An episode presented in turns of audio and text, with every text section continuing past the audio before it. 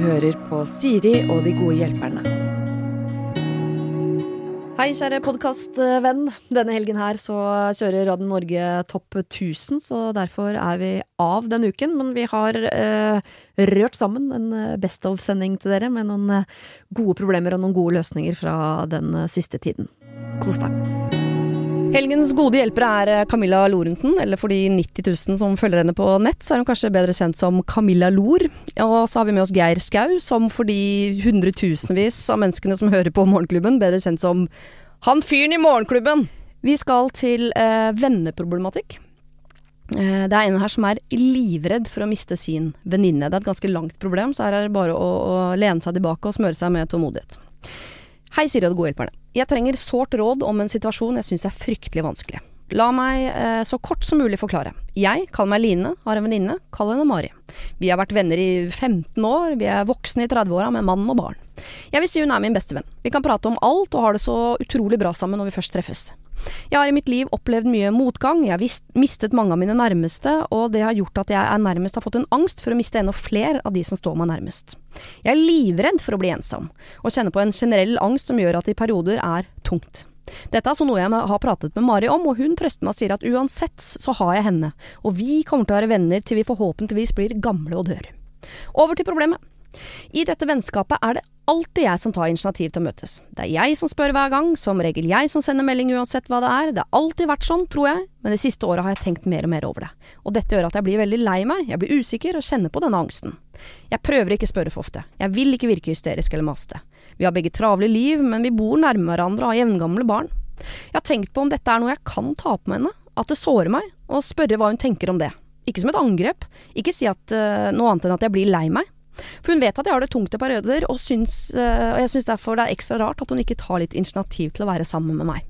Jeg ser jo at hun treffer andre venner en del, noe hun så klart må få lov til, altså. Og jeg vet ikke om hun aldri tar initiativet der heller. Men det har vært episoder hvor hun sier at hun ikke kan møte meg fordi hun for eksempel, ja, må vaske huset, da. Så ser jeg at hun isteden har tatt seg en lang skitur, og sier at det ble veldig spontant. Og det har eh, sikkert ikke gått sånn innpå meg om hun hadde spurt om vi da kunne treffes en annen gang. Men det skjer ikke. Nærmest aldri. På det siste året nå har hun aldri spurt, og muligens ikke før det heller. Derfor lurer jeg på, er det noe jeg kan ta opp? Skal jeg bare slutte å ta kontakt med henne også, eller skal jeg fortsette? Jeg føler dette vennskapet går mye én vei, og det syns jeg ikke er greit. Hilsen Line. Ja, jeg tenker jo umiddelbart her hvor, hvor uh, mye er det Line henvender seg til denne venninna si, da? Er det flere ganger om dagen? Kanskje det blir litt klamt? Kanskje han syns det blir litt voldsomt? Ja. Kanskje du skal roe reka litt, rett og slett? Kulen litt? Ja. For uh, å ikke være så redd for at hun forsvinner. Kanskje det er nettopp det som er grunnen til at hun kommer til å forsvinne, er at hun gnåler i tide og utide på henne. Ja, at Mari eh, føler seg litt kvært av Litt at Line kvært, ja. stadig liksom Ja, ja. Ja, det, hun sier jo selv at hun ikke maser, eh, men det, Nei, men det det, vil jo sikkert. aldri noen eh, på en måte se at de gjør selv, da. Nei, nei. Vanskelig å svare på, Geir. Ja. Jeg tenker det høres ut som at Mari er ganske god til å sette grenser for seg sjøl og hva hun vil bruke tida si på, jeg. Ja. Fordi eh, sånn som Line legger det fram her, så virker det kanskje som at hun har plassert Mari i en rolle i deres vennskap imellom, hvor Mari fungerer litt som psykolog. Ja. Eh, og det er ikke en jobb en venn skal ha, tenker jeg. Altså Så klart skal du kunne prate med vennene dine om problemene dine, men å gå til Mari og bruke henne som en sånn ventilator for alt du tenker på, alt du føler på, alt du er redd for, eh, tenker jeg kan skape et ganske sånn uh, skeivt forhold. Ja. På sin side så føler kanskje Line at det er hun som tar mest kontakt, og det er hun som alltid innser, men det kan jo godt hende at Mari på sin side føler at det aldri er plass til henne. At det aldri er plass til hva hun føler, og hva hun tenker, og hva hun mener. Ja, så når Line bruker setningen 'jeg føler at dette vennskapet går mye én vei, og det er ikke greit', det er en setning kanskje Mari også bruker andre veien, men ikke nødvendigvis på det å ta kontakt, Ja. men hva man bruker den tiden på når man først er sammen. Det tenker jeg, i hvert fall hvis Mari også henger gjerne med andre venner. Jeg tror at man skal være litt sånn eh, forsiktig med å bruke ja, som jeg sa, liksom vennskapet som en sånn psykologsted, og et sted hvor du liksom kan få hjelp med problemene dine. Det skal jo også være et sted hvor det er eh, rom for latter og finne på ting og bare være. Ja, ja. Eh, men jeg tror ikke Line finner ut av det uten å prate med Mari. Nei, hun må nok det. Og så tenker jeg det at eh, det virker jo som Line er litt sånn stalker her nå. Altså driver og finner ut hva hun gjør. For da har hun Nei, hun kunne ikke, for hun måtte vaske huset, og så har hun gått på skitur isteden. Hun må jo få lov å ha et liv for seg sjøl, du òg, da. Jo da, og det er hun ganske flink til å påpeke også. Hun Ja. sier jo sånn 'jeg mener ikke at hun ikke skal det', og sånn, men det er klart at hvis du først sitter og er litt lei, og eh, lei deg og føler deg oversett av en venninne Uh, og hun begynner i tillegg også å ljuge litt oppå der. Det er klart at man blir jo ganske eh, Da blir hun jo redd for å miste venninnen sin, og da kan man jo bli litt desperat. Jeg, jeg kan skjønne Ja, ja. den uh, tankegangen som Line er innpå her. Og vi skal passe oss litt for å legge for mye på sånn 'sånn er du, Line', og 'du må gi henne plass', og For det fins jo veldig mange Marier der ute som er sånne venner som bare er med. Aldri ta initiativ, Ja, ja. aldri invitere. De finnes jo overalt. Absolutt. Og da tenker jeg, er det eh, er det noe man kan gjøre med de, eller skal vi bare godta at sånn er de? Så da Jeg tror vi alle har noen venner, da. Som vi liksom, jeg har òg venner som jeg er alltid den som må innse til. Ja, jeg Eh, kaller de blindpassasjerer ja, eller freeridere. ja, de ja. fins. Jo. Ja. Men det er jo ikke de jeg velger å henge med 24 timer i døgnet. Altså Det er ikke de jeg velger å kanskje inkludere i min nærmeste nærmeste krets. Fordi det hadde vært slitsomt for meg å skulle tatt inch til å henge med eh, et menneske hvis den aldri tok inch til å henge med meg, og jeg ville gjøre det hver uke. Så Ja. kanskje Line også trenger å utvide horisonten sitt eh, litt grann med tanke på hvilke venner hun har rundt seg. For det, hvis du bare har venner hvor du hele tiden må være den som tar kontakt, så føler du jo kanskje at ingen har lyst til å være med deg. Og det er jo kanskje det Line trenger å føle litt på. Den, noen har lyst til å være med meg, noen ønsker å finne på ting med meg, noen spør meg om jeg skal være med. For jeg tror vi alle trenger å føre oss ønska på en eller annen måte. Eh, men jeg vet ikke om Line kan få Mari til å, å bli den personen bare fordi de har kjent hverandre lenge. Nå har jeg lært noe nytt. Hva da? Inch. Inch! Har du ikke hørt det før? Nei. Initiativ! Jeg er voksen, vet du. Ja, det er bare Inch. forkortelse. Det er Ja, ikke noe ja, jeg forsto jeg, Ja da, jeg forsto det. At inch er et, et forkortelse for initiativ. Men Ja. den har jeg lært det. Inch. Ja. Kult. Man lærer noe så lenge man er lever. Effektivisere språket, som jeg liker å si. Veldig, altså. Ja. Men um, hvis man først er en sånn person som tar mye inch, Mm. la oss nå bruke det så Ja. mye som mulig, så det setter seg. Bare hyggelig. Uh, og da tenker jeg at da er du en sånn person. Da Ja. setter jeg deg i den kategorien. Du er en sånn person som tar initiativ. Og så har du uh, andre type uh, mennesker som ikke er sånn.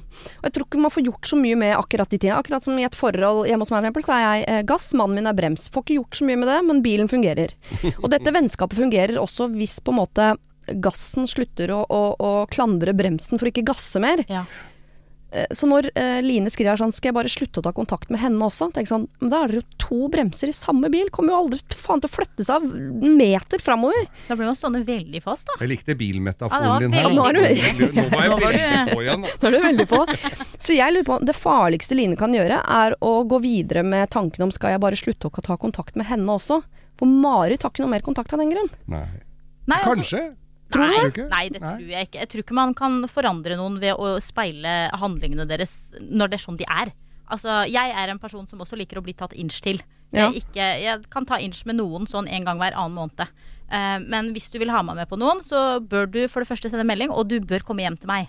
Jeg kommer ikke til deg. Vil du komme til Oslo og ta en kaffe? Nei, ellers tusen takk, kjempehyggelig, men du kan godt komme til Tønsberg, og så kan vi sitte på verandaen min. Det går helt fint. Og jeg har venner rundt meg som heldigvis gjør de tingene, og det fungerer helt utmerket. Men hvis de hadde begynt å forvente av meg at jeg skulle dukke opp på verandaen deres i Oslo en og en halv time unna, bare fordi de gjør det til meg, så Ja. ville det jo blitt eh, fryktelig lite vennskap ut av det, for da hadde vi ikke sett hverandre da på en 14-16 år. Tror du sitter en del venner rundt deg, eh, Camilla, og tenker at dette vennskapet bare går en vei? Mest sannsynlig, og det har de nok rett i. Men så sier også Line det at når de først er sammen, så har de det utrolig viktig. Nei, Utrolig hyggelig. hyggelig. Ja. Hyggelig. Er ikke det viktigere? Jo, det er Jo. Ja. Det er viktig å ha det hyggelig. Trenger man å, å fordele alt så mye hele tiden? Da kan man ikke ha liksom forskjellige typer roller i det man gjør. Eh, At liksom, ja, Som du sier, den ene gasser og den andre Jeg syns den var veldig fin. Ja. Er du en Ja. gass eller en brems, Geir? Sånn vennskapelig? Jeg, jeg er nok en, eh, en eh, gass med brekket litt på, kanskje, innimellom. Ja. For å bruke bilmetaforene dine, som jeg vet du er så opptatt av. Kan du få en sjokk? Det er bare en utfordring herfra. Altså. ja, nei, det, da blir du, det er sjokk, ikke, for da går den sur. Ja. Men, men eh, nei, jeg har jo også noen venner som jeg prater med veldig ofte, og noen som, som jeg tar litt inch på. eh, Og da er det veldig hyggelig, men jeg føler jo ikke at de er i ferd med å forsvinne fra livet mitt for det. Og dette er jo folk jeg har omgås i 100 år snart. Så Jeg så, jeg, så, jeg, så jeg er men, men selvfølgelig, du, jeg er sånn litt gi og ta. noe må på gassen her litt, og så få finne på noe med Ja. den og den og de og sånn. Nå er det lenge siden vi har sett dem. Smak. Jeg skal passe meg for ikke analysere Line for mye, men bare eh, ta tak i føler vennskapet går for mye én vei, og det er ikke greit. Jeg er helt enig. Men når dere er sammen, hvis vennskapet da går begge veier, så tenker jeg at da er det et godt vennskap. Det som bare går én vei, er akkurat den invitasjonsbiten. Og det kan hende at det er din bør å bære, Line, at du er en sånn som tar initiativ. Det er ikke Mari. Og jeg tror du mister henne hvis du krever at hun skal forandre seg, i større grad enn at du bare fortsetter med det du er god på, nemlig å ta initiativ til å møtes, og ha det gøy når dere først ses. Jeg har vært sammen med kjæresten min i to år nå, så jeg har kjent han i ca. tre. Vi er hverandres første. Jeg er i starten av 20-årene, og han er i midten. Han er en veldig god gutt med gode verdier, og i starten, eh, da vi møttes, så han blant annet på porno. Jeg syns ikke at dette var noe jeg kunne si noe på, men han eh, tilbød seg på eget initiativ å slutte å se på porno pga. vårt forhold.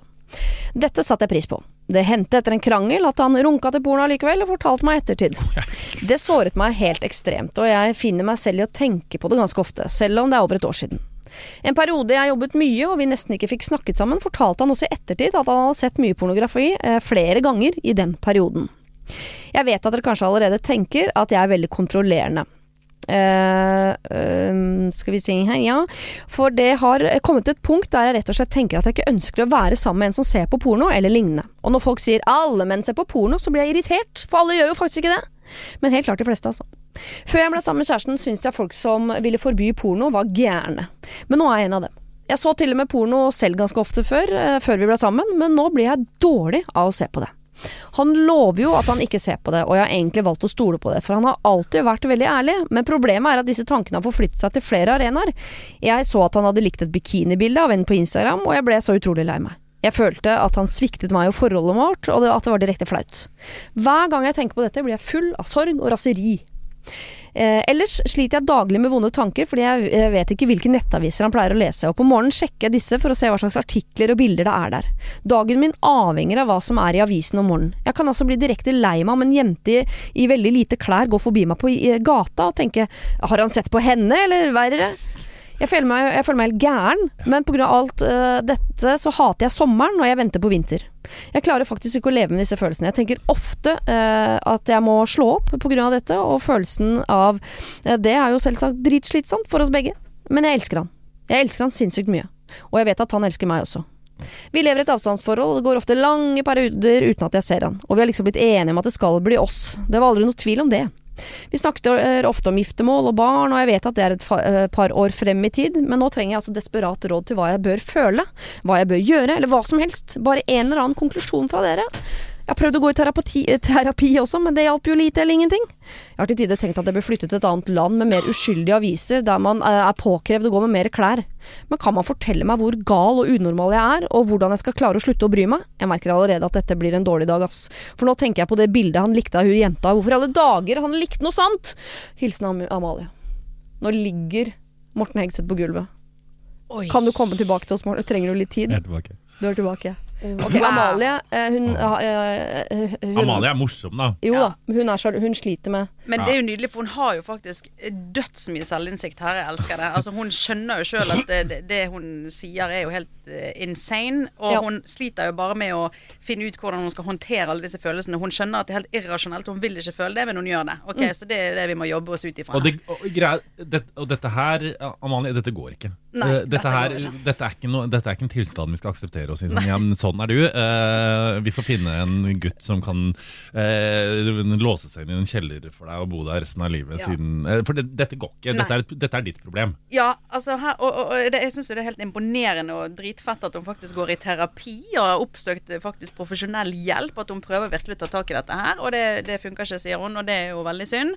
Um, kan vi være bedre terapeuter her i dag, mon tro? Jeg, jeg, tenker, jeg må bare si jeg har uh, slitt litt uh, med sjalusi, uh, og har vært i liksom, forhold der til og med utroskap har skjedd, og det var jo som om jeg liksom, noen røska liksom, hele eksistensgrunnlaget min, mitt fra meg. Og jeg tenkte, hvem er jeg, på en måte? Og jeg sleit med sjalusi. Jeg har blitt sjalu for at enkelte kjærester jeg har sett, har sett, har sett faktisk, har hatt, har sett på porno. Jeg, liksom, og jeg, jeg, jeg, hørte på Marit Larsen da jeg var liksom 19 år som sang 'Under the Surface'. Og jeg har hatt kjærester som har dumpa meg da jeg har uh, malt gulva fra svarte til hvite, for jeg skulle ikke ha det gulvet som kjæresten min hadde gått på. Og jeg liksom, har, ja, ja. Jeg, du har vært så, en liten Amalie. Ja, ja, ja, og jeg, En gang så var, hadde jeg en kjæreste som var utro med Kvinne fra Sandefjord. Uh, og eh, hun ringte jeg eh, Jeg fant nummeret hennes, og, jeg ring, og hun sa sånn Hei! Så ville jeg bare høre henne puste, for jeg hata henne så mye. liksom Og jeg satt og hun sånn Hallo, hallo. Og jeg ble så sjalu at jeg skrev en hel bok om uh, det. Der jeg på en måte uh, Jeg husker ikke helt Dette er, jeg var, dette er å, kanskje tolv år siden. Jeg begynte å skrive en hel bok om sjalusi. Der jeg skulle drepe den personen som hadde vært utro med kjæresten min. Og jeg skrev og skrev og skrev. Og skrev Og jeg sendte det til forlag. Ingen forlag aksepterte, bortsett fra Juritzen forlag, selvfølgelig. uh, som sa skriv et kapittel til. Så, men så kom våren og vinen, og så Så jeg har vært veldig sjalu.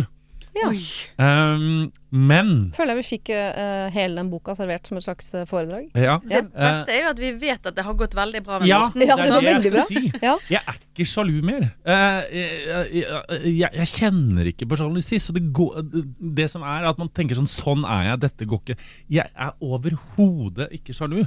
Tenk heller, altså Nå tenker jeg heller motsatt. liksom Hvis uh, den jeg er sammen med, ser på porno, så tenker jeg sånn Herregud, så sexy, liksom. Og så fint at liksom du liker dette, og det kommer sikkert meg til gode hvis du får en idé og dette. Jeg syns bare det er liksom sånn sexy med folk som er seksuelle på et eller annet vis. Ja. Uh, så det har snudd. Det har snudd. Ja, Ja, ja, det har snudd. Men uh, da er mitt spørsmål til deg, fordi du sa jo først at dette er ditt problem, Amalie, og dette må du jobbe med og sånn. Men så har jo du kommet på et sted hvor du da har gått fra å være sjalu til ikke være det lenger. Mm. Gir du deg selv 100 av krediten for det, eller vil jeg si at du er sammen med et menneske som også trygger deg på at det ikke er noen grunn til å være sjalu? Kan Anders få 10% Anders får kred for det. Han Ja. er, øh, og han, øh, men, han, men jeg er jo av den typen som trenger Jeg trenger ikke sånn 'Å, sjalusiner, sånn, dette må vi ta på alvor. La oss sette oss i ring og synge Kumbaya lord'. Jeg trenger noen som sier sånn 'Hei, du er en idiot. Skjerp deg'. ja. Det er taktikk som funker på meg. Og på samme måte som første gang jeg var sammen med han. Vi kjørte i november, og jeg sa til han har ikke fortalt deg dette før, men jeg blir faktisk litt deprimert på høsten'. Og han sa 'Ja, men da foreslår jeg at du skjerper deg'. Uh, jeg liker jeg den liker måten å bli Anders. pratet ja, uh, det, det er det som funker på meg. Eh, så jeg tror ikke noe sånn pusing og kosing. Og denne sjalusien må vi ta på alvor. Vi må si til deg, Amalie, du er sjuk i huet ditt. Du, treng, du må skjerpe deg. Ja. Ta grep. La folk se på porno. Du er gæren i huet. Og bare bli fin. Bare skjønn at dette her bare er tull. Men tror, tror vi at Amalie klarer det sammen, altså i det forholdet med han? Eller må hun ut, lufte huet sitt, gå seg noen runder rundt den mentale blokka, og så få seg en ny kjæreste hvor hun er eh, tryggere? Hun må ut og lufte huet sitt, gå tur rundt den mentale blokka. Og jeg mener jo at dette ikke er et problem som hun skal involvere kjæresten sin i. Dette her må du ta med bestevenninna di, som kan hjelpe deg gjennom. Ikke dra med liksom, typen inn i det her problemet, for dette trenger Han kan si til deg, liksom, men han kan ikke sitte og puse deg på lanken og eh, liksom gå gjennom alle de vanskelige følelsene dine. Dette her er et problem. Du må ta med noen andre utenfor, tror jeg da. Er du ikke enig? Ja. Ja, er du enig i dette, Kristin? Du ble tungpusta. Ja, nei, altså, ja, nei, jeg, men yes for Amalie, du er mm, Her er det mye greier å jobbe med. Men, eh, men jeg tror at hun må liksom Det liksom Ta tyren litt ved hornene her. sant? Altså Hun har et kjempeproblem med denne pornoen. Ok, men vet du hva?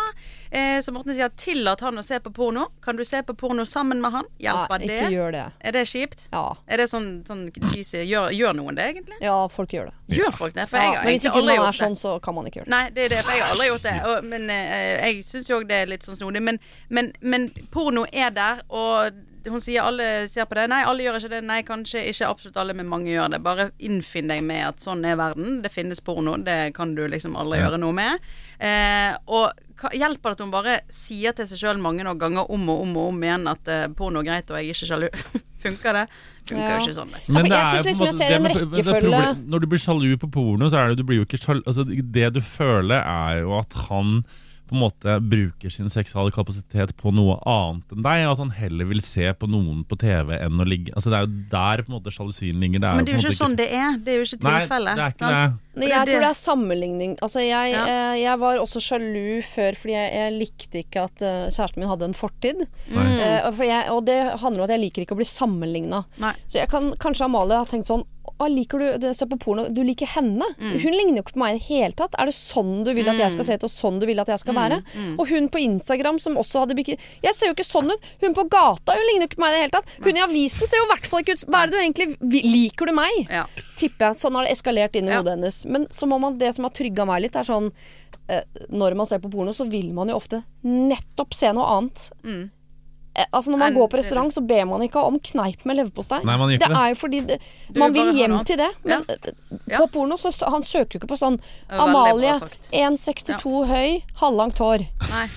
Nei, også, Da ligger han med Amalie. Ja, og det er jo Amalie han er sammen med. Og herregud, han er jo en, eh, en voksen fyr, så er ikke det det, så forlater han Amalie, liksom. Eh, Det så enkelt. Ja, jeg, er det jeg si. tror et poeng er at dette altså Jeg tror det er vanskelig å få dette forholdet til å funke. Jeg tror hun må, jeg tror hun må jobbe med seg sjøl og kanskje bli et eh, jeg, jeg, jeg, jeg håper jo at forholdet funker, men jobb med deg sjøl, Amalie. Ja. Ja, for dette er helt, helt tussete. Ja, jeg må bare si at denne sjalusien min Den eh, var ikke i fjor. Altså, den var for kanskje Ja.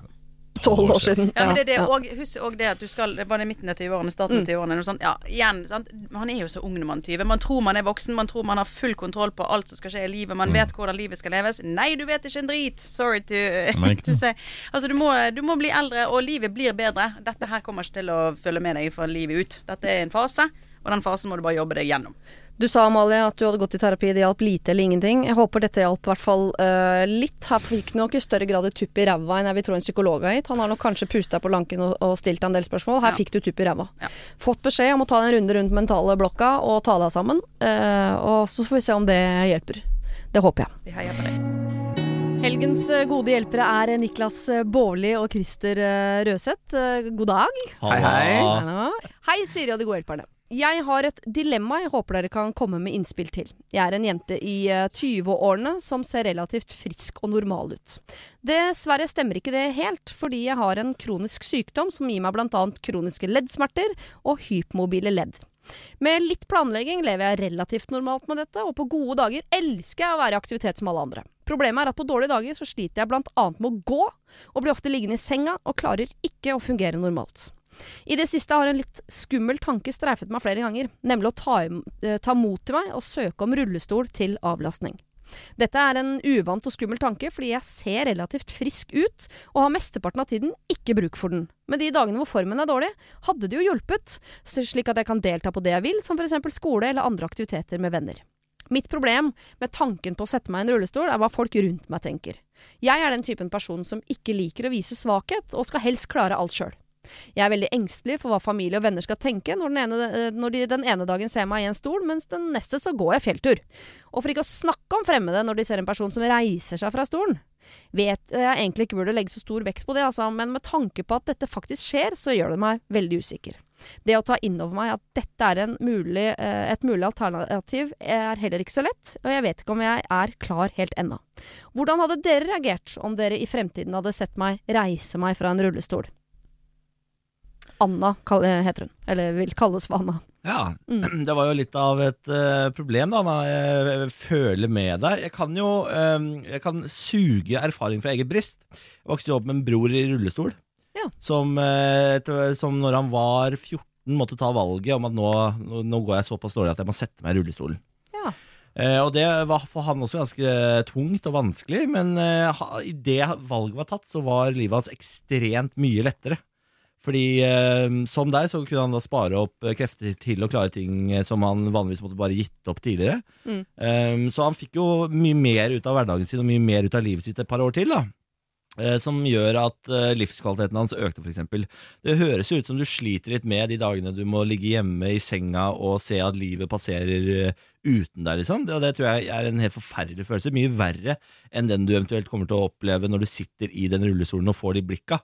For det, altså, vi kan, det, det kommer du til å få. Folk ser på folk i rullestol, og folk snakker til folk i rullestol som om de er barn, fordi folk er åpenbart hjerneskadde. Mm.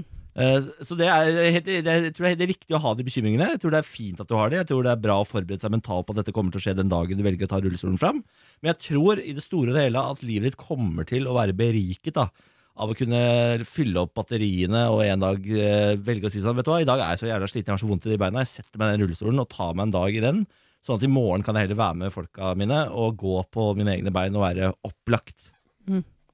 Dette var jeg overhodet ikke klar over, og det er nesten litt slemt å spørre Christer nå, som da uh, sitter ved siden av deg, uh, uh, om å svare på dette nå. Men helt ærlig, Christer.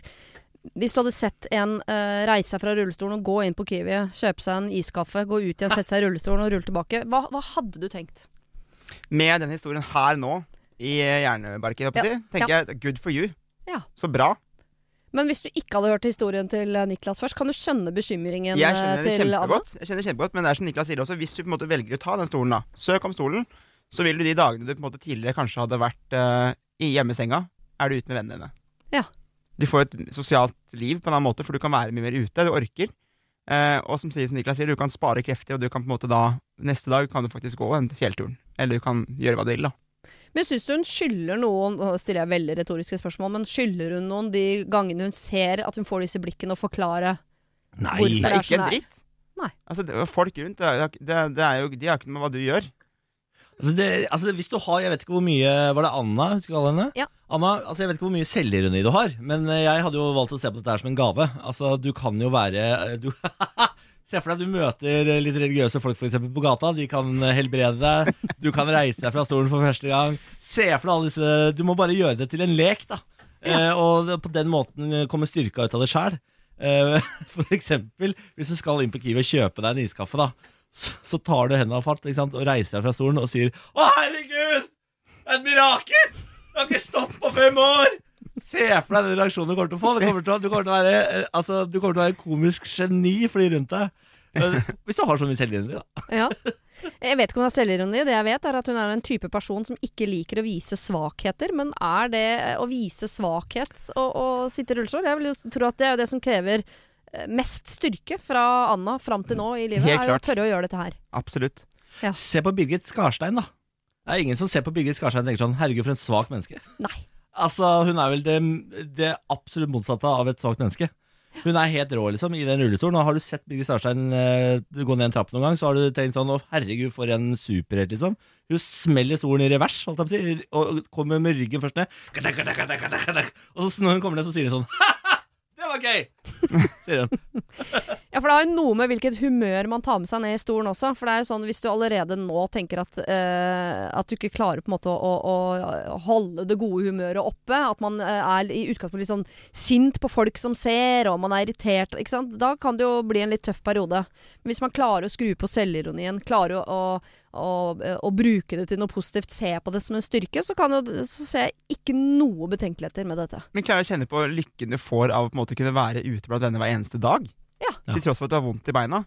Ja, å Eh, kunne si sånn 'jeg blir med uansett', jeg. jeg blir med uansett. Eh, Det, det er det som er så fint med det her. Hvis hun får, tar seg til mot og får tak i den stolen, som jeg syns hun skal gjøre, så tror jeg og håper at hun vil få et enda bedre liv. For hun vil ha mer tid ute, være mer sosial og vil få en bedre livskvalitet. Og det finnes noen fordeler her som vi ikke har nevnt. Du kommer først i køen på Tusenfryd. Eh, Du, du rulles helt fram til første vogn i Thundercoaster.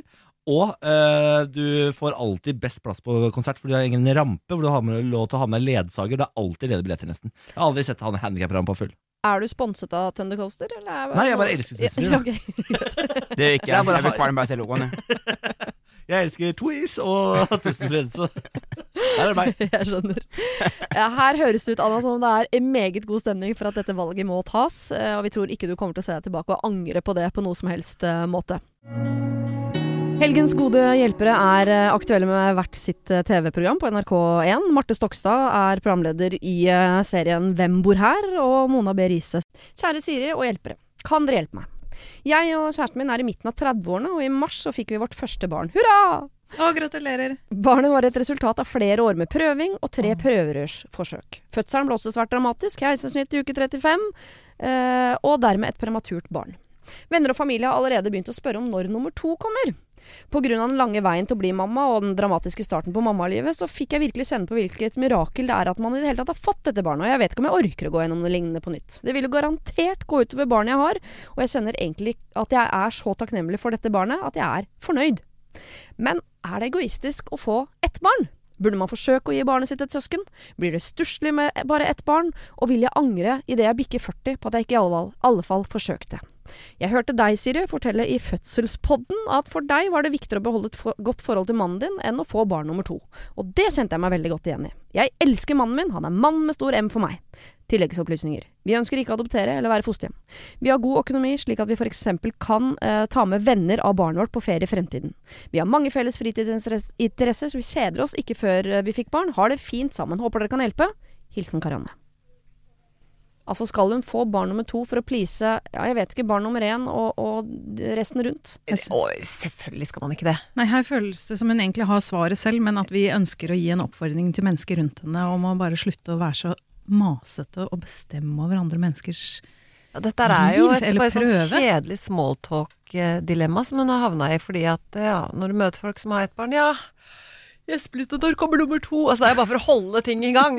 Ja, altså, er, og kanskje ikke lure så på det. Nærmeste familie gjør kanskje det. Men det er jo bare å si nei, jeg tror kanskje ikke det kommer nummer to. Ja, vi er fornøyd, liksom.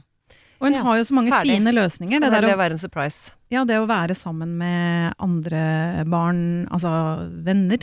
Få med dem på ferie. Gjøre ting så, så barnet blir vant til å være sammen med andre barn. Mm. Det er veldig gøy at jeg snakker så selvsikkert om dette som ikke har barn sjøl. Ja, ja. Men det jeg mener Jeg har jo i hvert fall flere eh, venner som bare har ett barn. Og de har vært gjennom et helvete pga. det, fordi de har syntes at det har vært så vanskelig å ta den avgjørelsen, og at det har vært mye mas rundt, og at de ikke føler seg bra nok. At Ja. de liksom ikke har eh, gitt det barnet nok eh, i livet ved å ikke ha et søsken. Og da kan jeg jo si at selv om man har søsken, behøver man jo ikke være så veldig tett. Nei. Det er helt forskjellig hvordan det blir med et søsken. Det kan man ikke bestemme som foreldre. Um, så jeg syns bare at ja, det er et mirakel og så fint at de klarte å få ett barn. Mm.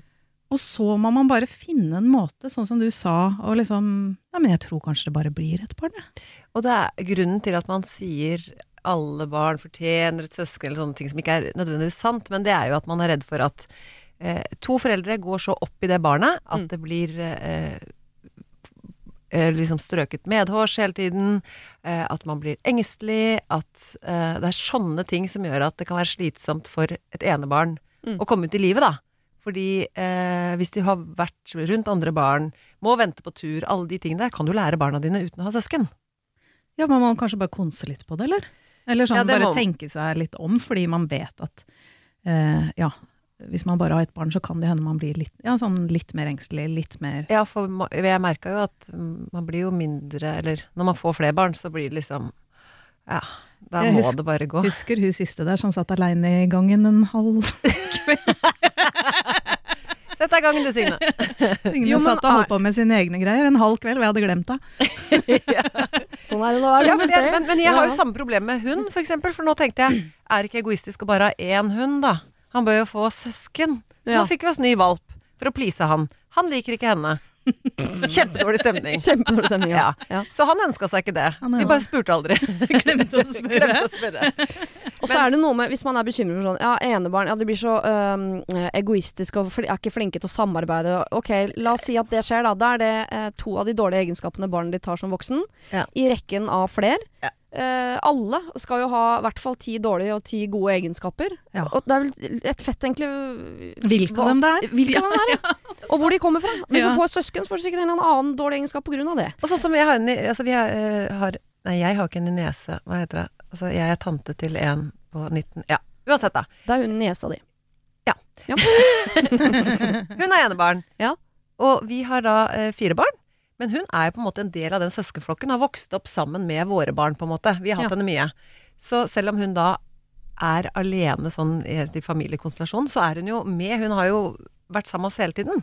Så det er det å finne andre, enten det er venner eller familiebarn som du omgås, som Mm. er jo naturlig innad i en familie, så er jo ikke det noe problem. Jeg Så lærer du deg de tingene. ja, jeg føler at det er modent og voksen å se hva man får til og ikke får til som foreldre. Og hvis man tenker at, vet du hva, jeg får ikke til en til, Nei. og dette er altfor hardt, så må man jo bare da, Jeg klarer det ene barnet, og det barnet skal jeg være best mulig for.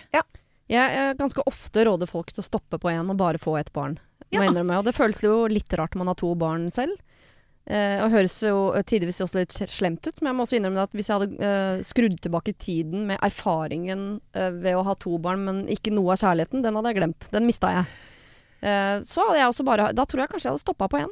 Ok. Jeg syns det virker helt magisk å bare ha uh, ett barn, men det jeg tenker på er Stakkars det barnet når jeg blir gammel og surrete. Det må være deilig å kunne ringe noen og baksnakke meg sånn hardt. Ja, det tror jeg. Men det fins alltid kusiner eller eh, bare noen venner man kan snakke med. Ja. Eh, snakker av erfaring. Men jeg har jo gjort motsatt av deg, Siri. Jeg har alltid høylytt gått rundt, slått armene i været og sagt Flere Lag en gjeng! Ja. Og to er ikke nok. Nei. Jeg har liksom pusha det på tre og fire. Barna må være i flertall. Eh, det har jeg sagt til flere, og så har jeg også fått tilbakemelding på at noen har gått på da nummer tre for litt sånn inspirert. ok, lykke til.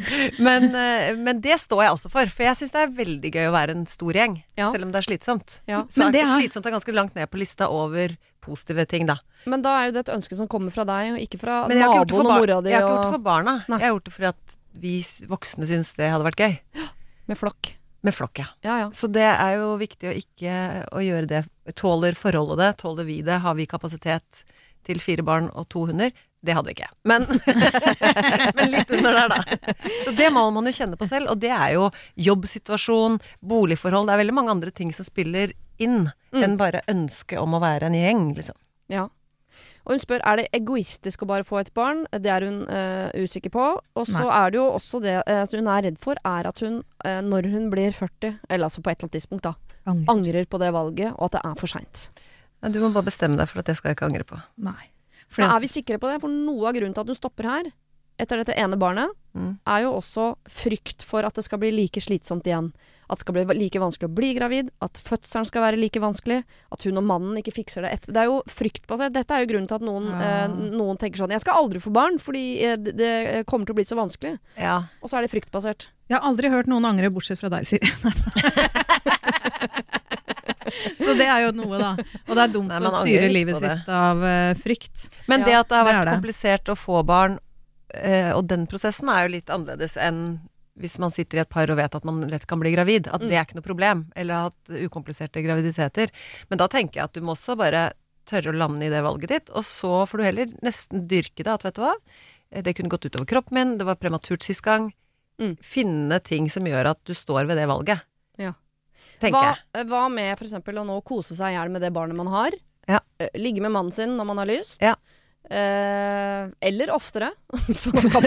Litt oftere enn når man har lyst. ja, Ja. det kan av og til være lurt. Ja. Eh, eh, uten å bruke, bruke prevensjon. Og skjer det, så skjer det. ja. For jeg tenker vi skal bruke de der første årene av livet til ditt barn på å gå på eh, hormonkurer, ut og inn av sykehuset, inn Ja. med egg og ut med egg og rør og alt det greiene der. Mm. Så mister du jo Og det er jo en del ting du går glipp av i livet til det barnet som er der, ved å, å 100 fokusere på dette, som du i tillegg gruer deg til fordi du syns er skummelt. Ja, og som du er helt usikker på. Ja. Hun var ganske så usikker. Eh, men eh, ja, det syns jeg høres ut som en veldig god plan, Siri. Har du, driver du med sånn problemløsning? Ja, jeg har vært, jeg har vært innom det. Jeg har vært innom det. Men hvis du virkelig vil ha det barn nummer to, så er det jo verdt den innsatsen. Hvis du er liksom så Jeg vet ikke helt, så tenker jeg sånn Da er det greit om det skjer på slump, tenker jeg. Og det skjer innimellom. Ja, ja, Eh, ja. og da er det bare Det som er fint med hjernen, er jo at den snur jo om. Og det tenker jeg liksom Hvis du bare har ett barn, så er det sånn Ja, men det var sånn Hvis man klarer å gå over til Ja, men sånn ble det for meg, og dette er kjempefint å se på de positive sidene med å være at man har ett barn. Ja. Og så hvis det blir to, så Nei, men det var flott, for da ble det Ja, da ble det sånn, da. Da Og så kan du heller sånn. få deg en hund, da. Ja. Ja, ja. Og hva med hund? Ja. Jeg syns jo hun er veldig bra, jeg, da. Jeg kan si som tobarnsmor og hundeforelder, det kan du også si som er firebarnsmor og hundeforelder, at man blir jo eh, like glad i hunden. Ja. Faktisk. Gjør man det? Ja, ja. Man, man gjør faktisk det. Jeg syns det er så trist når Forsilian er så trøtt om morgenen. Ja. Å, Han er så gammel. Ja, når de begynner å bli gamle. Ja, nå begynner de å bli gamle, så nå blir han så trøtt når det blir høst. Han vil ikke stå opp. Vi er fem stykker i vår husholdning, og tre av de får høre hver eneste dag at jeg elsker dem, for jeg hvisker det inn i ørene deres. Man skulle kanskje tro det var far og de to barna. Hun og de to barna. Så uh, absolutt, en hund kan man få. Men til eh, deg, da, som jo uh, høres ut som ikke du har lyst, med mindre det bare er fryktbasert, så tenker jeg uh, vær fornøyd som du allerede er med det barnet. Skjer det, så skjer det. Ja. Da tar vi det derfra. Men at du skal nå på vegne av liksom, folk som spør, og, og dårlig samvittighet for at du kanskje er egoistisk, og dette barnet som kanskje en dag får lyst på, osv. Så, så syns jeg ikke du skal gå inn i en sånn vilt opplegg med noen ny prøverørsrunde og sånn. Syns ikke det. Hold deg til igjen. Hold deg til igjen. Har du problemer selv, send dem inn til siri at radionorge.no. Nå sitter jeg altså med Stian Staysman og Katrine Moholt foran meg. God dag. God dag. Hei, jeg er en skilt mann i 30-åra som har igjen en gjenstand i huset mitt etter mor til mine barn. Det er en pole-stang, altså en sånn strippestang. Eh, altså Poledansere vil vel eh, ha seg fraberedt at det er stripping. De vil jo ha det inn som OL-gren, så akkurat der er man uenig, men la det ligge. Den har vært brukt til trening, men aller mest til lek og moro for barna. Hun tok den ikke med seg da hun flyttet fordi hun ikke fikk plass til eh, denne i sin nye bopel. Om det har noe å si, så står den åpent til i en luftig første etasje. Nå som jeg har fått meg ny kjæreste, har hun sagt tydelig fra at hun ikke liker denne og bedt meg fjerne den. Hun skal ikke bo her, men hun liker bare ikke at den står der, eh, da den ikke er min. Jeg har både sofa, seng og andre møbler jeg, altså, som har vært gjennom et ekteskap, uten at det er noe problem. Om jeg tolker henne riktig, så kunne jeg godt kjøpt min egen polstang òg og satt den opp et eller annet sted, men den som står der nå, representerer i min nye kjærestes øyne noe seksuelt fra fortiden. Så kjære hjelpere, should I stay or should it go? Hilsen Olav. Veldig eh, konkret eh, eksempel på dette. Hvis noen kjenner en familie med en polstang, så er det antageligvis de. Jeg tror ikke det er så mange av de. Da, det beklager jeg. Men eh, Olav lurer på om han må eh, flytte den polstanga ut eller ikke. For deg sjøl, Olav. Nå, er, nå har jeg levd eh, et ganske langt liv. Eh, Det er lov å si når jeg er 38, er ikke det? Jo. Ja, Sånn Ja. relativt langt liv. Ja, det syns jeg. Ja, Kan du ikke så, så, ikke, ikke skap unødvendig trøbbel for deg sjøl. Kan ikke bare ta ut den der forbanna stanga? Jeg, jeg, jeg, hvorfor? Altså, hvis det er et problem for eh, kona di, da, så ta nå ut den stanga. Sånn tenker jeg da. For, du skap hvorfor skal du ha den der?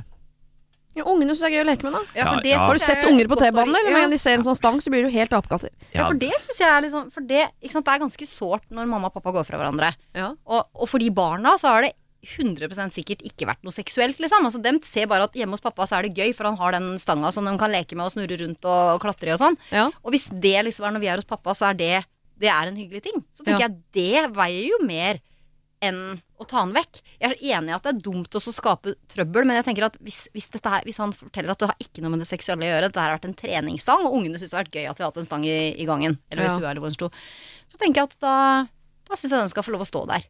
Ja. At ikke hun skal komme inn i det med å bestemme hva som skal ut. Ja, jeg, det må i så fall stoppe der. For det kan jo være sånn, Jeg er enig, ikke bare lag trøbbel ut av ting som ikke trenger å være et problem. Men hvis det er liksom første, og så kommer det flere og flere sånn krav på ting som bare må gjøres for at hun skal Da kan det hende at han har starta liksom, uh, en trend som han ikke klarer å stoppe. Men og så tenker jeg det at det er Altså jeg tenker ungene kommer først på det, og hvis det er en morsom ting, så er det tenker jeg det veier kjempetungt. Det er den stanga som vi pleier å leke i, det, det er en del av barndommen. Og at det er trist at pappa fjerner den. ja. Ja. Nå har du fjerna mamma og pappa, så du fjerne den morsomme stanga også. Ja. Da blir han jo et monster. Ja. Men jeg skjønner, kan dere skjønne at eh, hun ser på det som noe seksuelt, selv om det er barna? For la oss si at ekskona er ekstremt eh, deilig å se på, da. Sånn yogadeilig, som har sånn lange, tynne lemmer og eh, sånn uh, naturlig frisk hud og, og langt, tykt hår. Så ser hun bare for seg henne drive og slenge seg rundt i stanga som en sånn uh, kåt kobraslange. Jeg skjønner at det er ikke det første man har lyst til å se hver gang man kommer på besøk til typen. Nei, men hun, hun sier, jo- eller han sier jo også det at han også har senga og sofaen. Det kan ha skjedd mye gøy i det, både det. Altså jeg tenker sånn Har man vært gift før, så må man regne med at det er klart at de eks-menneskene har hatt sex, de også. Ja. Jeg vet ikke om jeg skal plante de bildene i huet hennes, for da er det flere ting som ryker ut av huset. Jaså, sier du det? Den sofaen må ut. Kjøkkenbenken og halter ikke. Kjøkkenbenken må ut. Dusjen. Dusjen må ut. Nei, Nei, jeg jeg mener jeg, er, jeg, jeg skjønner at det er en hyggelig ting for ungene, altså. Men uh, det er jo selvfølgelig et morsomt element også når det går opp for ungene hva den stanga er. Det er også morsomt. Ja. den dagen det Å ja, det var, det var en sånn stang. En sånn Som hører til på strippeklubber. Men uh, ja Nei. Jeg skjønner at det er en lek og morsomt. Kan ikke Men kan du ikke kjøpe et lekestativ? Jeg, jeg, jeg vet ikke. Må ja, man kanskje ha jeg, Nå ser jeg også litt på det som en sånn der, Kanskje det er en sånn, også en greie som jeg, vet ikke, jeg, Hvis jeg hadde hatt en strippestang hjemme, og så får jeg meg dame Og så Det er liksom sånn der klisjé. Det er så ungkar-greie, så du kan nesten få det. Ja. Ikke sant? Og så kommer ny dame inn i huset, da, og så skal du ha den strippestanga der. Det er ikke sikkert at det bare representerer en eks som har trent på den. Nei. Det kanskje representerer også noe litt sånn Du er 30 år gammel, og du har en strippestang inni kåken din. Eh, kan vi være så snill å bare ikke ha den strippestanga der? Enig. Den må ut. Faktisk. Ja, ja. Ja, altså, eh, ja da, barna kommer først osv. Kjøp et lekestativ til barna, sett det utenfor. Noe de kan skli og huske på. Strippestanga må ut. Det er for dumt å ha prinsipper rundt en strippestang. Jeg, han vil jo ikke ha den strippesanga, han vil bare etablere et eksempel som er sånn Jo, men den må få lov til å stå fordi Og så er det et sånn unødvendig prinsipp som gjør at det blir krangler mellom de. Olav, strippesanga må ut. Helgens gode hjelpere er Caroline Berg Eriksen, kjent som uh, fotballfrue. Og så har jeg med meg sexolog og podkaster Iselin Guttormsen, som begge er aktuelle da med sesong 13 av Bloggerne på TV 2. Kjære Siri og de gode hjelperne. Egentlig er dette et langt problem. Jeg skal prøve å fatte meg i korthet. Uh, For snart fem år siden ble jeg uplanlagt gravid med en jeg bare datet. Og vi bestemte oss for å beholde barnet og satse på forholdet. Vi fikk en fantastisk eh, gutt, men forholdet røyk etter et år. Kort fortalt, vi var veldig ulike, har totalt forskjellige verdier, og følelsene forsvant. Vi skilte som venner, og han valgte å flytte et par timer unna der vi bor. Så til problemet. Kort tid etter at han flyttet ut, fikk han seg ny samboer, og han valgte å kutte samvær med sønnen vår. Og så så han ikke sin sønn på over halvannet år. Så ble han singel, og forklarte at han savnet barnet vårt sårt og mye, og han hadde hatt det forferdelig uten han i så lang tid. Det hører med til historien at jeg aldri har nektet han å se vår sønn, og det at han kuttet han ut var av egen fri vilje. Antageligvis i forelskelsens rus. Når han ble singel eh, og tok kontakt, sa jeg til han at han er hjertelig velkommen til å komme på besøk, men at jeg forventer stabilitet og kontinuitet fra hans side. Og selvfølgelig at eh, hvis noe slikt skulle skje igjen, eh, eh, så er det ikke greit. Dette lovet han på tro og ære. Og det holdt, fram til han fikk seg ny dame. Så var det null kontakt igjen. Og så fort det ble slutt, så var han tilbake med kontakt med oss. Og de siste åtte månedene kan vi altså telle fem forskjellige damer, og dermed fem ganger hvor kontakten har vært totalt fraværende, for deretter å komme på igjen. Nå er han singel igjen, og etter over to måneder uten å ha besøkt oss, så tar han nå mye kontakt på bl.a. Snapchat, og vil gjerne komme på- besøk. Mitt spørsmål er, skal jeg si noe? Burde jeg holde igjen på samværet i forhold til at det neppe kan være sunt for en fire år gammel gutt å oppleve at pappa flyr ut inn av livet hans på denne måten? Jeg har forklart det til han før, og jeg er virkelig eh, fra innerste hjerterot opptatt av at sønnen vår skal ha et godt forhold til sin far, men jeg er så redd for å tråkke feil, og at sønnen vår skal føle seg uønsket av han. Bare fordi han er ute og inn av livet hans hele tiden. Det gagner ikke sønnen vår at vi foreldre er uvenner, og jeg vil derfor ikke lage dårlig stemning uten grunn heller. Hjelp! Jeg setter stor pris på svar. Kall meg Lotta, Lotta sønnen vår for Rasmus og pappaen for Fridtjof. Eh, altså, jeg syns jo ikke hun lager dårlig stemning hvis hun sier ifra. Jeg syns jo det her er helt forferdelig Mm. å oppføre seg på den måten der. Ja. Eh, jeg hadde satt ned foten for lenge siden. Men hva er å sette ned foten da, og nekte han det samværet? Nei, ikke nekte han samværet, men å si at dersom du ønsker Altså, han har jo også lovt henne på tro og ære at, skulle, at det skulle være et stabilt forhold, og det har jo han brutt for lenge siden. Ja. Det var jo liksom noe av det første de ble enige om. Han har brutt det fem ganger bare de siste fem, åtte Ja. Og da tenker jeg altså Da har jo han brutt det løftet, og da må jo hun få lov til å si at eh, ja, kanskje han får én sjanse til, da, men at det rett og slett ikke går. Altså, det funker jo ikke. Gutten er jo fire år gammel, han blir jo kjempeforvirra. Ja. jo ikke kjent med faren sin heller, får jeg inntrykk av. Nei.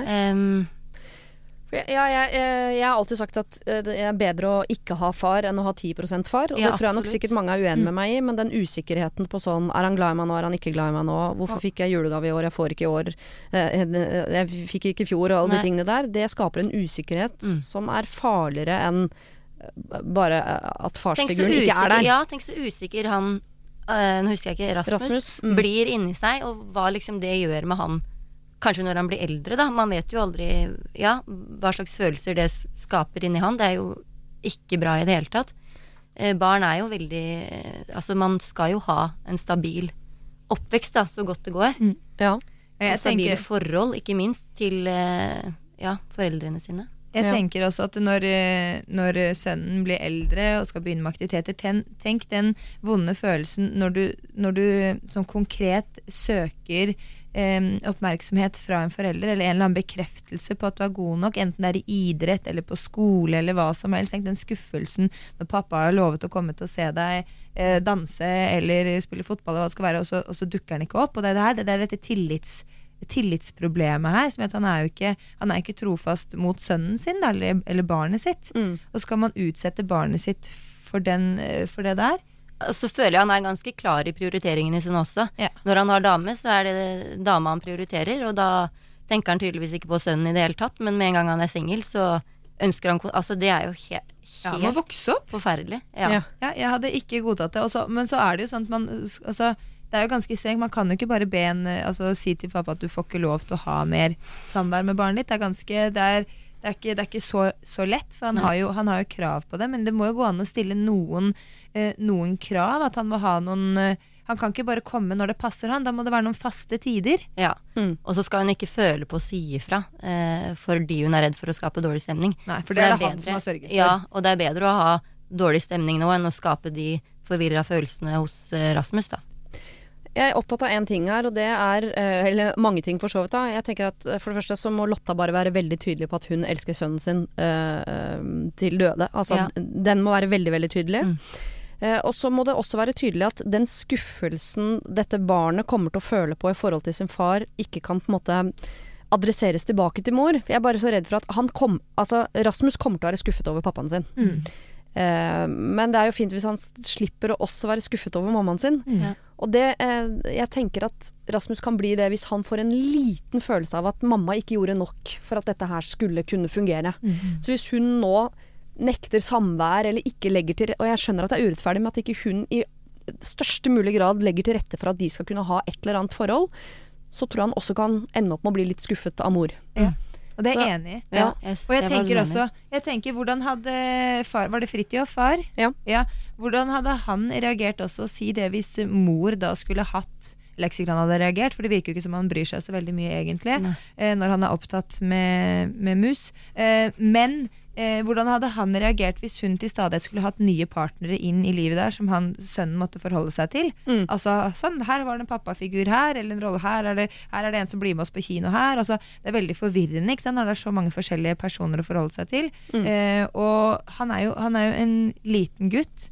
Så Ja. han, han, for, for han så er jo kanskje pappa fortsatt fremmed, for han dukker jo opp i bare tide og utide. Mm. Eh, så det må jo være en Hvis du skal ha sam, samvær, så må det være sånn Det må være en fast Ja. fredag eh, i måneden, eller to fredag, Altså et eller annet Ja, sånn de må finne en løsning på det som Han må rett og slett Det må jo han overholde, da. Det Ja, han må gjøre seg fortjent. det, Ja, det virker jo ikke som det. det går an å stole på han, så det er jo veldig vanskelig.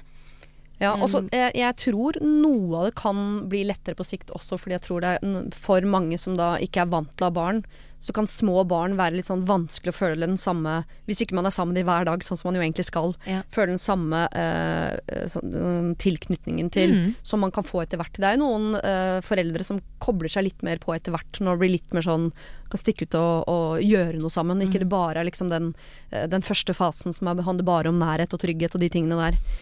Så, Men jeg føler at dette her handler ikke om det heller, føler jeg. jeg føler at dette her handler Hadde han En ting er hvis du er i en relasjon, og så sitter du som forelder og tenker at jeg føler ikke den tilknytningen til barna, og så, men når barna blir eldre, da føler man seg Veldig typisk at fedre føler seg mer som fedre Mm. eh, jo eldre barna blir.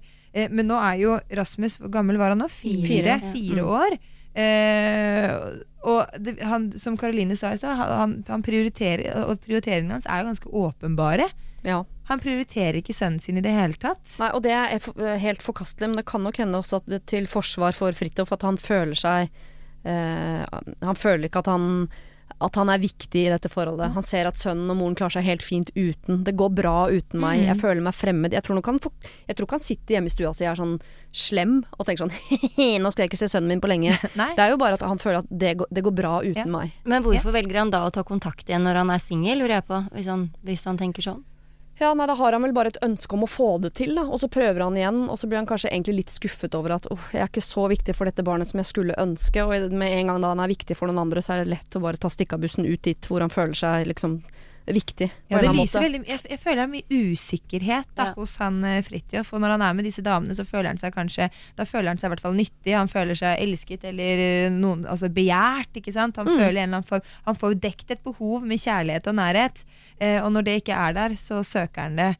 eh, Hos eh, sin opprinnelige familie, eller sønnen sin. Men det er veldig trist at han ikke klarer å Jeg får bare håpe at Fridtjof på et eller annet tidspunkt lander et sted hvor han klarer og ønsker å ha et, eh, et stabilt forhold til sønnen sin. Mm. Det må vi bare håpe, men Ja. enn så lenge så tror jeg det eh, Lotta kan og bør gjøre, er å sørge for at Rasmus føler seg elsket. At Rasmus forstår hvorfor pappa eh, kommer og går litt. Jeg tror jeg ville overdrevet den der, men pappa elsker deg uansett om han er her eller ikke er her. Se om du kan lage en bok som forteller et eventyr om en, eh, en figur som kommer og går, men kjærligheten er konstant. Altså bare, Ja, jeg tror man ja. skal mate dette lille mennesket med at du er elsket, du er ønsket, du Ja. er viktig. Og så er det noen folk rundt der som Han har litt problem Han er litt syk oppi hodet sitt, så noen ganger er han litt borte. Men han tenker på deg. Altså, jeg tror man bare skal jo, prøve å forklare barna så mye som mulig ut fra hvor gamle de er. Ja. Og, og overdrive, eh, hvis man må, den særligheten til barnet, og så kanskje de to kan koble seg på hverandre på sikt. Du, det er et veldig fint tips, for det gjør de når det er eh, foreldre som jobber langveisfra og blir borte. Altså, altså ikke bare turnus, men om de jobber på oljerigg eller hva det er, skal være borte flere måneder av gangen. Mm. Så er jo det et tips ikke sant, for at man skal ha bilde. Og hver kveld skal ta fram dette bildet i boka foran barna og fortelle at eh, 'pappa eller mamma elsker deg' og kommer snart hjem fra reisen sin, og hele tiden. For det er barnet som er det viktige oppi dette her. Ja. Og det kommer til å føles så urettferdig for Lotte at hun skal drive og, og fluffe denne fyren som hun egentlig bare har lyst til å, å, å plante en stekepanne i trynet hans. Hardt! Men eh, tenk på Rasmus. Jeg tror det Mm, er ja. det han trenger. Jeg tror Ja. Han trenger at du maler om denne skurken til en prins på en eller annen måte. Mm. Mm. Hmm, tror jeg. Får sikkert noe mail på dette om sånn Nei, det er ikke sånn man gjør det. Det kan godt hende. Det jeg beklager på forhånd. Daniel Kvammen, og så har vi da eh, Gisle Agledal, som har laget Innafor, en dokumentarserie på NRK. Eh, jeg er 32 år og har vært sammen med en fantastisk mann i et halvt års tid. Han har orden på livet og økonomien på stell, eller i hvert fall fram til nå. Han skylder en del penger. Jeg har muligheten til å hjelpe han med å slette gjelden og låne han disse pengene, det er snakk om ca. 300 000. Men det sitter litt langt inne å ikke Nei, det sitter litt langt inne å skulle overføre alle sparepengene mine til en mann jeg ikke har kjent så lenge. Jeg føler meg som en fryktelig dårlig kjæreste dersom jeg ikke gjør det. Så hva syns dere? Hvor lenge har disse to vært sammen? Ja, det fikk jeg med meg. Eh, Hun er 30 år, 32, de har vært sammen et halvt års tid. Nei, nei, nei, nei, nei, nei, Nei, nei, nei, nei, Nei. Utdyp. Ja, kan jeg bare, dette minner jo litt eh, Jeg skal være litt forsiktig med å ta på disse psykopatibrillene mine, men det er eh, Man skal passe seg litt for folk som ber om 300 000 etter å ha kjent hverandre i noen måneder, altså. Ja, det Det er ikke sikkert han har bedt om det, altså. Nei. Nei. Åh, men det har jo iallfall kommet på bordet som et alternativ. da Det er kjempe, kjemperart. Nå er det veldig mye hard melding. Jeg liker i utgangspunktet ikke å være så sånn bastant, for nå var jeg veldig bastant rundt det forrige eh, problemet. Eh, og så er jeg en bastant Er jeg ganske bastant her også. Ja. Um, jeg, men, men det er jeg, jeg prøver å sette meg nå inn i hva slags menneske dette er mens jeg prater, merker jeg. Men jeg skjønner ikke hva slags menneske som er bare Som er en ro... Som er Som har ting Han har jo åpenbart ting ikke på stell, men jeg skjønner ikke helt hvordan han går til det å spørre noen som han bare har kjent i et halvt år, om 300 000 kroner. Det er Men mye det er ikke sikkert han har spurt. Men det kan hende hun bare ser dette og er keen på å hjelpe, liksom. Ja. Hm. Det jeg- jeg burde han i er så fall si nei til, tenker jeg. Ja. Men Ja. det er det ikke sikkert man gjør hvis man har 300 000 i. Men hva, men hva slags lån er det snakk om? Fordi Er det på en måte et huslån, så er det bare å la det rulle og gå. Men er det et forbrukslån? Jeg tipper eh, La oss si det er spillegjeld, da. Jeg aner ikke. Ikke sant? Et eller annet. Mm. Det er bare noe med Jeg skjønner at dere sier nei. Jeg har så tenkt meg en gang nei, nei, nei, nei, skummelt, skummelt, farlig, farlig. For man har hørt om denne eh, Tinder-mannen og alle disse mennene som lurer penger eh, ut av voksne, smarte damer. Denne legen som hadde betalt 13 millioner kroner eller sånn på en fyr som bare hadde lurt henne. Altså, folk blir lurt hele tiden for penger, men det er jo dumt om vi skal miste troa fullstendig på eh, det gode i mennesket. Jeg tenker at eh, Hvis jeg hadde hatt en kjæreste som havna i trøbbel, og jeg kunne hjelpe han ut av det, så håper jeg at det fortsatt fins en verden der det er noe man kan gjøre, liksom. Absolutt. Men er- finnes det ikke andre måter enn å overføre sparepenger? Det kunne gått an å for eksempel Man kunne vært sånn Jeg har så lyst til å hjelpe deg med dette. La oss se på noen refinansiering av disse lånene. La Mm. oss se på sånn Kanskje vi kan Kan man si sånn Det er jo det, det, går- det, Du er ikke du er ikke frekk mot kjæresten din om du sier sånn Kan vi liksom sette opp en slags nedbetalingsplan og gjøre dette litt ordentlig? Ikke sant? Eh, og så kan man være grei og være sånn, skal ikke ha noen renter eller noen ting, liksom, men bare, men bare pass, altså at, vi har, at det er kanskje et lite sånn, siden vi ikke har kjent hverandre så lenge, et lite juridisk aspekt ved det. Men, Ja, eh, men, men for å la oss være La oss være liksom La oss te, diskutere dette litt. Han skylder altså 300 000 kroner. Dette er jo Ja. helt utrolig interessant. Det er veldig sjelden jeg gjør sånt. Han skylder 300 000 kroner, men han har ikke mulighet til å få lånt det fra noen annen plass. Nei. Så det, det eneste mennesket han har i livet sitt, er det mennesket som han kan få lånt 300 000 av. Og da snakka vi med banker, diverse. Alle som liksom kan låne han de pengene, Mm. er ikke der. Det mennesket som han kan låne de pengene fra, har han kjent i et halvt år. Mm. Kom igjen, da! Det her er varsellampe. Det Ja, er det- varsellampe. Eh, jeg er blir dratt tilbake ja, kom igjen, kom altså. igjen. Altså, kom igjen. Siri, du er profesjonell hjelper, rett og slett. Altså, hvorfor er ikke de folka der? Nei, det er klart, Hvis han får nei i alle banker, så er jo det fordi de vurderer han eh, dit hen at han ikke er eh, eh, har muligheten til å betale tilbake disse pengene. Mm. Ikke sant? Og eh, Hvis han ikke har det, så har han jo ikke det. Og da har han ikke det til henne heller.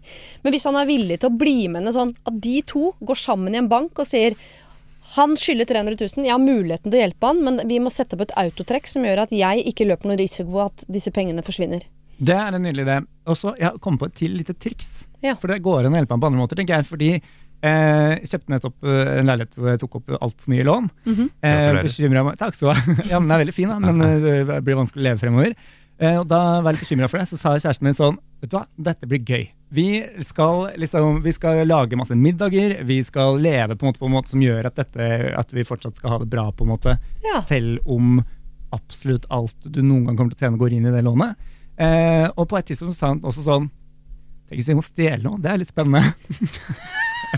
Nå så jeg for meg at dere hadde gått inn i sånn Luksusfellen cosplay, hvor han tok en sånn skalla parykk og satte opp en masse bruskasser som skulle eh, symbolisere alle pengehaugene du ikke hadde, osv. men, så, men, det er, men det var noe gøy. Han snudde litt, for jeg var litt sånn Åh, dette blir jo tung vår, liksom. Men han Ja. snudde til å bli sånn dette, dette gjør vi sammen, liksom. Vi skal ja. lage Vi finner noen bra oppskrifter på noen greier som blir dritgodt og ikke koster liksom Altså, vi slutter å spise litt Eller er sånn, vi roer ned på de tingene og hjalp. Liksom, det går an å hjelpe ham å spare. Ja, vet du hva, det er det Ja. hun skal. Hun skal Ja, hjelpe han mer sånn jeg skal hjelpe, Dette skal vi komme oss gjennom. Kanskje låne han noe. Sette opp en nedbetalingsplan. Bli med på sånn hvordan skal vi kunne leve billigere. Der kan hun gå inn og hjelpe og spørre sånn Er det noen du sender som du Moren din, har hun noe? Er det noe du kan um, Kan du be om forskudd på arv? Har du noe du kan selge? Ikke sant. Så være litt mer sånn Enig. Hjelpe han til å hjelpe seg sjøl, istedenfor bare måke sparepengene sine over til han. Og jeg tenker sånn Ok, jeg skal bli med på det her. Hvis han har noen sånn umiddelbare krav på liksom sånn 20 000 kroner, prøv med det, da. 20 000 kroner er masse penger, men det er ikke så mye penger. Prøv, prøv å hjelpe henne ut av det aller verste, og så kjør på med planen deres. Ja. Men hun kommer til å bli buttfucked. Jeg lover ikke han. Ja. Men hjelp, hjelp han å hjelpe seg selv, men han må også være villig til, sånn som jeg har sett på Luksusfellen, elsker Luksusfellen, han må han må ringe banken sin, han må ringe kreditorer. Han må også gjøre en jobb. Han kan ikke bare sitte i et hjørne eh, halvnaken og gråte uh, i ruggeren mens du måker penger ut av Nei, sparekontoen. nei, Det går ikke. Det som er litt farlig med det, er at det blir en ubalanse der. Om hun plutselig skal gi han 300 000 kroner, så kommer jo hun til å føle litt på sånn mm, Kanskje du skal ta oppvasken litt mer nå fremover. Eller så skjønner sånn, det blir, man kan, jeg tror det er farlig, det er farlig å Du tenker at hun kan få veldig masse makt, rett og slett? Eller hva, Ja. hun har kjøpt seg et par nye sokker, så er han sånn mm, Hvor har Ja. kosta de, ja? Ja. 69, ja. Du kunne ikke bare gitt meg det. 69, da. Du skylder meg jo 300 000. Altså, de Jeg tror det er grobunn for mye grums. Galskap, ja. Rett og slett. Ja. Eh, god dag, Sandra Lyng og Julie Bergan. Hello. Heia. Jeg er en dame i begynnelsen av 40-åra som er gift med en fantastisk mann. Han er absolutt uh, alt av gode kvaliteter. Han er sexy som fy å se på. Vi har vært sammen i over åtte år, og vi har fire barn sammen. Jeg er dødsforelska, og han sier at han er det samme. Men på alle de årene vi har vært sammen, har han kun gitt meg komplimenter tre ganger. Jeg derimot sender SMS, sier det til han rett ut hver eneste dag. Jeg kysser på han, jeg tar på han, jeg smiler, blunker og er varm. Men øh, øh, han tar aldri første steg, eller sier noe tilbake. Og han er ikke sjenert heller. Og vi har mye og faktisk veldig god sex. Og han prioriterer alltid tid med meg foran tid med kompiser, og han er en fantastisk pappa, og alle vi kjenner elsker han for han er så hjelpsom og tvers igjennom snill mot alle. Likevel så savner jeg det lille spontane kysset fra han, det romantiske SMS-en, at han bare tar fullstendig styringa i senga og eh, er rett og slett bare en fyr som river av meg klærne sier at han må ha meg. Vi har snakket om dette, men det ser ikke, han ser ikke at dette skal være så innmari viktig. Er jeg for kravstor her? Hilsen frustrert frue. Å, det her vet jeg svaret på. Kjærlighetsspråk. Ja, det var akkurat det jeg skulle si. at jeg tenkte på. Man har jo forskjellige kjærlighetsspråk, og jeg måtte bare google det for å få akkurat det rette. Eh, mennesker er forskjellige på hvordan de gir kjærlighet, og hvordan de vil få kjærlighet. Det er tydelig at han ikke, viser ikke kjærlighet med å gi kompliment, men han viser kjærlighet med å gi tid. At han prioriterer henne overfor eh, kompisene sine. For de fem kjærlighetsspråkene er at noen eh, er gode med ord, og det er tydeligvis hun, komplimenter Mm. og sånn. Noen bruker tid, at det er å vise kjærlighet, og sånn er nok han. Mm. Og der krasjer de. Eh, noen er flinke på å gi gaver, det er deres måte å vise kjærlighet på.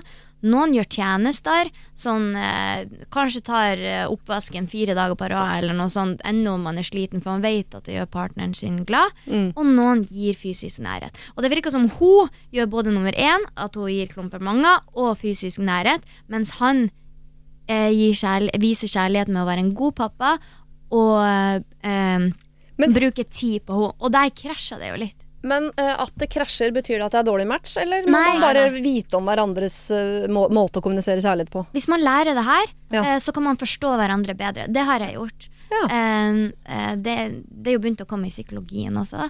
Eh, og hvis man bare forstår hva de andre sin måte å vise kjærlighet på, og så kan man forstå hva er mitt behov, eh, så kan man møtes på det. For da, da vet man i hvert fall Nei, det, her, det er ikke det at han ikke er glad i meg, det er bare at hans måte å vise kjærlighet på er at han vil tilbringe masse tid med meg. Og kan ikke utvikle noe sånt også innen vennskap? For det må, der, jeg tipper det er noe tilsvarende Ja. innen vennskap. Forskjellige vennskapsspråk. Men noe som, noe som jeg gjorde ehm, eh, tilbake med kjæreste, det var at vi tok eh, begge to eh, rangerte kjærlighetsspråkene for oss selv, da. Ja. Eh, og, og ga hverandre det, det si, arket, da, hvor vi hadde rangert det og, og skrevet om det. Eh, for at man kunne se litt sånn ish Hvilken rekke hva, Hvis jeg skulle rangere liksom hva som jeg syns var viktig å, å få fra han, og Ja. hva jeg tror at mine kjærlighetsspråk er, og hvordan jeg viser best kjærlighet. Da. Og da etter det syns jeg det var mye lettere å på en måte Um, forstå meg på liksom altså, eller vi, Det, det funka rett og slett litt bedre bare fordi at em, jeg kunne liksom noen ganger tenke bare sånn For jeg er veldig på for eksempel å gjøre ting, da, eller tjenester Altså jeg tror egentlig jeg har mange av kjærlighetsspråkene fordi jeg er en kjærlighetsklump, men eh, Kjærlighetsklump. ja, men så kunne jeg liksom tenke liksom noen ganger bare sånn Åh, men hvorfor kan man ikke bare rydde det? Liksom, det hadde jeg satt så stor pris på. Eller Men du er jo veldig flink med gaver. For jeg Ja. husker når du møtte Er det er blitt eksen din? Vi var på noe trening og en, eh, trening og sånn sammen for et par år siden. Og da husker jeg at du bare 'Nå har jeg kjøpt det til han, og det til han', og det husker jeg at du, Ja. du var så god på den måten, da. jeg er veldig glad i sånne gaver og sånne Ja. ting også. Men, og, men jeg kan være veldig på en måte Jeg kunne også være litt sånn en periode at det, han var absolutt flink til å gi komplimenter, men jeg kan ofte trenge mye bekreftelse, da. Ja. Eh, sånn at jeg eh, kan ofte påpeke ting jeg har gjort, bare for at han skal si at jeg er flink. Jeg kan sende bilder av meg selv bare for at han skal si at jeg er pen. Ja. Eh, altså sånn type ting, selv om jeg det er kanskje ting man egentlig liksom vet, men det hadde jeg veldig behov for. Han skjønte ikke hvor viktig det var for meg da, å få de komplimentene. Og etter jeg da faktisk påpekte at det trenger Det er veldig viktig for meg for å føle meg elsket, liksom. Eh, så ble han Så fikk han sa han liksom ok, men da skal jeg prøve å fokusere på å bli bedre på det. Og det er jo ingen som kan endre seg sånn over natta når det gjelder sånne type ting, men så fort man vet hva partneren trenger, Mm. så er det mye lettere å tilfredsstille det, i hvert fall. Når man har satt ord på det. Da fikk du noen åpenbaringer når dere kom med disse listene, eller var dere ganske enige om øh, hva dere tenkte at dere hadde behov for, og hva dere var gode på å gi? Eh, nei, altså sånn Jeg tror nok det var noen Altså at jeg kanskje var litt mer overraska over noe ved han som, som egentlig ikke jeg så på som så viktig at jeg følte kanskje at jeg, ja, men jeg gjør jo alt, liksom. Mm. Men så kanskje det med å for eksempel at for han så var det mer med å pre prioritere tid, da. At han var liksom enda flinkere på det, mens jeg var veldig vil prioritere tid med alle og alt og alle, holdt på å si. Eh, Ja, kanskje han følte det med hun venninna Ja. som alltid var på besøk. Ja, ikke At han hadde trengt tid alene. Ja, ja. og da var Og det at liksom ikke du så det. Ja, og da så ikke jeg det i like stor grad, fordi det var ikke like viktig for meg. Nei, man Eh, er vel ofte litt mer opptatt av sine egne behov enn hva andres behov er, uansett hva slags forhold man er i. Og jeg tenker at frustrert frue her er jo veldig tydelig på hva hun er god på, og hva hun har av behov. Mm. Så det kan nok hende at hun skulle eh, fått han til å skrive sin liste òg, så hun skjønner hva han tenker at han er god på, og hva han har av behov fra henne. Mm, Kanskje han bare vil ha mer av hennes tid. Kanskje hun kan roe seg eh, kraftig ned på kompliment. Kanskje han ikke har så stort behov for det. Eller ikke sikkert at han vet at hun virkelig trenger det. Nei. Det, for da kan det hende at han hadde blitt flinkere på det. Og det kan hende at hun ville satt mer pris på at eh, han droppa kompisene for å være sammen med henne, og det er hans måte å vise kjærlighet på. Og det der med at øh, hun vil at han skal rive av henne klærne og slenge henne i veggen. Sånn, enten er man en sånn fyr, eller så er man ikke det. Det er veldig vanskelig. Hvis min mann hadde kommet hjem til meg en dag og sagt sånn Kan ikke du være litt mer sånn som bare river av meg klærne, og så biter du meg i ryggen og kaster meg i veggen? Og tenker sånn eh, Nei, da må du begynne å ligge med noen andre, for det greiene der driver ikke jeg med. det syns jeg er mye å be om. Blir det, blir ikke helt genuint heller? Da blir det nesten Nei, da er vi over i rollespill, og det blir jeg heller ikke med, så da får du også gå et annet sted og finne de greiene der. Det var kjempelurt det du sa, Julie. Ja. Skriv lister, frustrert frue. Nå har vi jo eh, Det er helt eh, tydelig lett å google seg fram til disse fem forskjellige særlighetsspråkene, Og sett og tenk hva er jeg god på, hva trenger jeg, hva er han god på, hva trenger han? Så bytter dere lister, og så tar dere en skikkelig prat på dette her med kjærlighetsspråk. Så kanskje dere forstår hverandre på en helt annen måte. Og så mente jeg ikke at du skulle gå og finne en annen fyr som skulle rive av deg klærne og slenge deg i veggen. Det håper jeg ikke du gjør, for det var ikke meningen. Det var det. Husk å sende ditt problem til siri at radionorge.no om du vil ha hjelp. Denne podkasten er produsert av Rubicon for Bauer.